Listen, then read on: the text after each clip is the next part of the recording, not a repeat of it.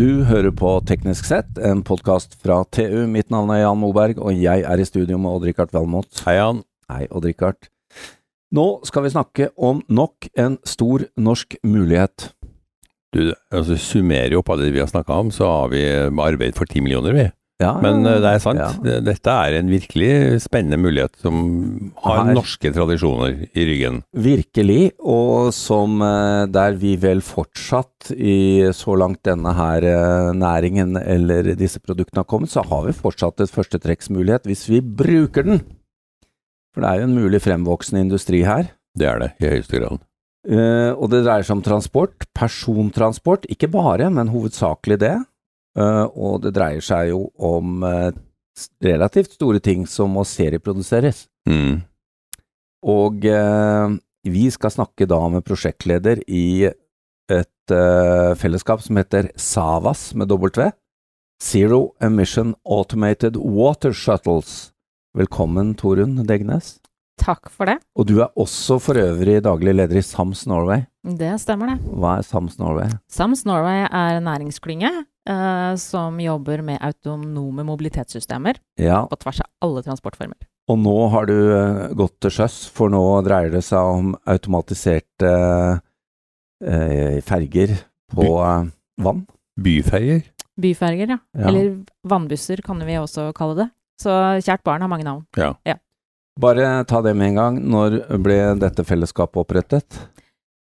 Eh, prosjektet Savas eh, ble startet eh, i januar 2021, eh, men som et resultat av et par års initiativ og samarbeid mellom tre gode søsterklynger. Ja. Det er Maritime Cleantech, Nordic Edge og Sams Norway som sammen står bak etableringen av Savas, sammen med et uh, betydelig antall industriaktører. Så samla sett så er det partnerskapet ja på jeg har så vidt pers. sett at uh, vi og Richard har jo laget podkast med Haik, Det har vi. blant annet. Ja. Og vi har snakket mye om dette. Uh, Vi snakket med havnesjefen i Arendal da vi var på Arendalsuka om dette temaet lite grann. Så, men altså, det er, skal holde tunga rett i munnen her, da. Det er mange initiativ. Det er mange initiativ. Veldig Ja. mange. Og, og det i seg selv er jo veldig positivt. Og det peker jo på at vi har noen behov eh, som ikke er løst, og som eh, man håper og tror kan løses av eh, autonome eh, byferger eller Ja, så hvorfor Savas har jeg notert meg her? Det er fordi at her må man koordinere seg, eller? Det er eh, fordi at man må koordinere seg, også fordi at eh, om byfergene blir høyautomatiserte, eller om de blir helautonome på sikt, det vet vi ikke helt ennå. Men eh, det at de er digitaliserte og elektriske, eh, betyr at de også er avhengig av den infrastrukturen de har rundt seg, og, de legge, og, dette må utvikles i et system. Ja. Og i et system kreves samarbeid med ulike aktører som kompletterer hverandre i en verdikjede og et økosystem. Så ingen får til dette helt alene. Nei. Og så har vi dette, da. Eh, eh, mange norske byer, eller enkelte, har jo allerede byferger, enten det er Bergen, Fredrikstad, i Arendal har du et par ferger som går. Det er jo mange som har det. Men noe av tanken her er vel at man også kan åpne eh, disse systemene i byer som ikke bruker det i dag. Ja, du vet at de aller fleste byene i verden ligger ved vannveien. Men vi Mm. har uh, slutta å bruke vannveien fordi vi har bygd uh, transportsystemet på land. Uh, og derfor så ligger det en infrastruktur der som er underutnytta eller uutnytta. Mm. Eh, og det betyr jo at byene som strever med trafikkavvikling, som strever med at det fortettes osv., de har en mulighet til å ta i bruk en allerede eksisterende infrastruktur, som vi jo har brukt tidligere, Ja. men som vi da eh, nå, ved å ta i bruk ny teknologi og tenke nye konsepter rundt bymobilitet, kan da tilby et attraktivt, sikkert og effektivt transportsystem som supplerer og forbedrer det eh, urbane mobilitetssystemet som Ja, helhet. for dere, dere tenker jo på Europa som marked her. Markedet og- er for så vidt globalt, men det er Ja. Europa som ligger på en måte nærmest oss. Ja, og det Og- er ganske stort. Eh, Det europeiske markedet er stort, og vi ser tall i våre på en måte innledende analyser som sier at det allerede er 3000 eksisterende aktive fergesamband. Eh, vi også ser eh, rapporter som sier at det er over 4000 potensielle eh, strekninger. Når vi tenker på hele kanalsystemet i Europa, og alle byene som ligger på en måte knytta til vannveien, eh, så er det egentlig bare å sette seg ned og se på muligheter. Det er veldig, veldig, veldig stort. Men det er jo ikke bare snakk om å frakte personer her på vannveien, men også knytte det til resten av infrastrukturen, da. Det er jo ingen av oss som har på en måte verken utgangspunkt eller destinasjon på kaikanten. Vi eh, har jo behov for å komme hjemmefra Mm. og til dit vi skal og tilbake igjen. Ja. Eh, og vi vet jo også det at byttekostnaden mellom ulike transportsystemer er høy. Sånn at vi må sørge for at det blir så enkelt som mulig å gå fra ja, ta på deg skoa, gå ut døra, og komme deg fra dørstokken til eh, det med en landbasert kjøretøy, eller farkost, eller sparkesykkel for den delen, og over på en eh, vannbasert eh, transportløsning. Men ventetid har vi jo si her, så jeg, jeg vil anta uten å vite at det her er relativt små farkoster som går ofte. Det er det som er målsettingen. Ja. At man skal kunne tilby et fleksibelt og dynamisk eh, flåtesystem ja. som gjør at du nesten kan bestille den på mobilen. Eh, eller i hvert fall at det kan være et godt integrert eh, og sømløst da, med det annen, annen type transport som du måtte ha behov for å ta. Mm. Og så er det jo sånn at en by eh, har jo ikke et statisk transportbehov gjennom døgnet eller Nei. gjennom året. Eh, det kan være at du har en festival, eller at det er rushtider, og så har du behov for å forflytte kapasiteten Mm. din.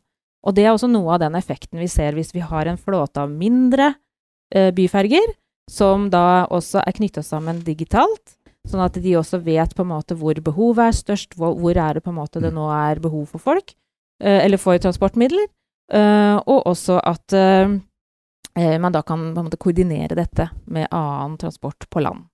Så, så, så, så det ligger jo i et veldig, veldig viktig digitalt på en måte eh, sammenfletta infrastruktur over hele transportsystemet her. Ja. I tillegg så kommer jo dette at selv de små eksisterende byfergene er jo veldig mye one-offs, hvor det blir bygget én eller to, eller kanskje maks tre-fire. Mens her må man jo standardisere og gå fra disse one-offs, altså eh, e- spesialbygde, og ned lage serier som er store, og få industrialiserte. Ja. Vi er jo et stykke unna det, da. Vi er jo tradisjonelt sett ikke så drevne på det. Eh, noen eh, gode eksempler i Norge har vi, men vi er jo gode på Vi liker jo å være først ute. Vi liker jo å være og litt sånn eh, innovatørene og, og, og explorerne. Eh, her må vi tenke industrielt og Mm. industriell skala. Eh, og det er nødvendig for at man skal kunne få kostnadene ned, eh, og at man skal kunne tilby flåter med eh, mange nok da, Ja, for der er du inne på det. Altså, dette dreier seg om flåter. Leveranse av flåter, og egentlig ikke enkeltfartøy. Nei. Nei. Det, det, er helt nødvendig for at vi skal kunne også tenke at dette skal bli en industrielt eventyr for Norge, og en ny på en måte segment av den norske stolte maritime næringen, er at ikke vi bygger én og én. Ja. For at hvis vi bygger én og én, så er det på, en måte ikke den store gevinsten med å automatisere eller å kjøre Mm. det autonomt. Da kan man like gjerne ha på en måte bemanningen om bord.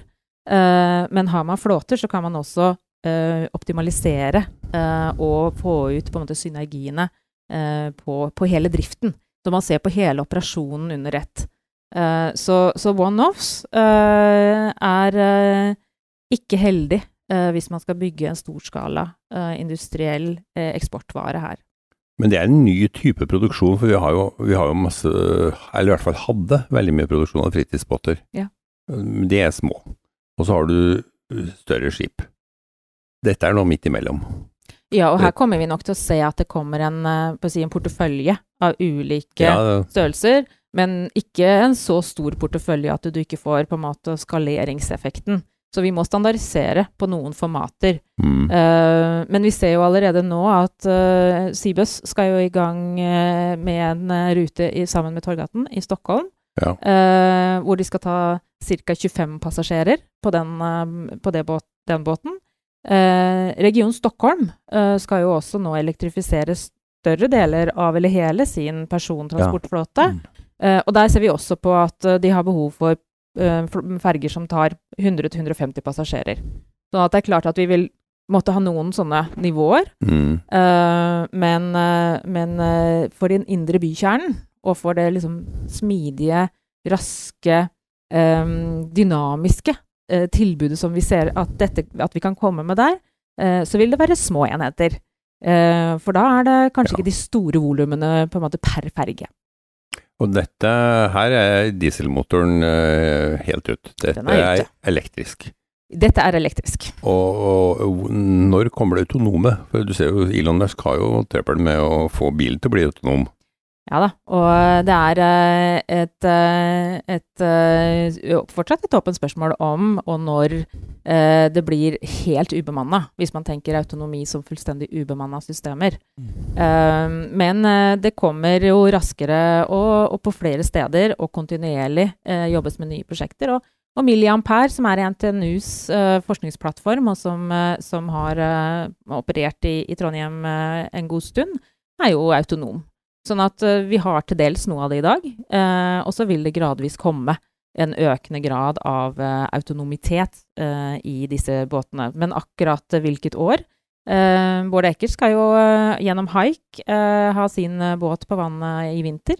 Eh, så det kanskje kommer raskere enn vi tror, spesielt på vannveien. Mm. Ja. Ja. vi hadde jo en podkast med havnesjefen i Arendal da vi var der. Rune Wass han mener jo at autonomien den er et stykke unna. Det er et komplisert bilde i Arendal havn, men det betyr jo ikke at ikke det kan være andre steder. Men Torunn, vi har jo en stor, du nevnte Bård Øker, altså det er jo en fritidsbåtprodusent også. Og vi har verft. Altså vi er jo egentlig godt plassert da, til å kunne ta dette segmentet, men er vi, er vi i jeg håper å si, tetsjikt eh, vi, vi i Norge nå for å kunne ta dette segmentet, eller eh, hva skal til? Vi er i tetsjiktet i forhold til å ta dette segmentet hvis vi klarer å eh, industrialisere eh, de gode ideene og konseptene som nå er under utvikling. Eh, det, men det er, en, eh, det er en forutsetning. Så vi er i tetsjiktet i forhold til å kunne levere en, go en god flåte, gode, eh, integrerte systemer. Vi, vi har et godt økosystem, vi har et komplett økosystem i Norge. Sånn at vi har komponentene. Og har- allerede eksisterende fergestrekninger som kommer til å trenge dette. Og vi har godt samarbeid med myndighetene. Mm. Uh, men vi trenger å forstå og akseptere også at vi må samarbeide enda mer om løsningene byene imellom. Mm. Uh, og det er jo også noe vi ser at man kan kanskje ikke ha uh, sin på en måte veldig tradisjonelle byfergedesign eh, på de fergene man bestiller fremover. Man må akseptere at eh, ja, vi trenger å ha et godt transportsystem, og vannveien er fantastisk eh, å utnytte. Og vi vil være med å bygge en norsk industri. og vi samarbeider om de løsningene som vi da bestiller. Men hvis det her blir en stor suksess, og mange av de 3000-4000 ønsker dette, ser vi da for oss å bygge ferjene i Norge, eller å utstyre ferjer som bygges rundt omkring i Europa med norsk finnes- elektronikk og utstyr? Jeg, tenker vel at vi kommer til å ha begge deler. Ja. Eh, vi har jo absolutt selskaper som har misjon om å bygge eh, Ja. ferger selv. Eh, og så har vi jo en stor eh, teknologi- eh, og instrumenteringsindustri, og som, som vil kunne levere eh, selve fremdriftssystemet og Ja. autonomisystemet til andre eh, som bygger båtene. Så her vil vi ha på en måte en miks eh, av måte mulige eksportretninger for norsk industri. Så vi kommer til å ha begge deler.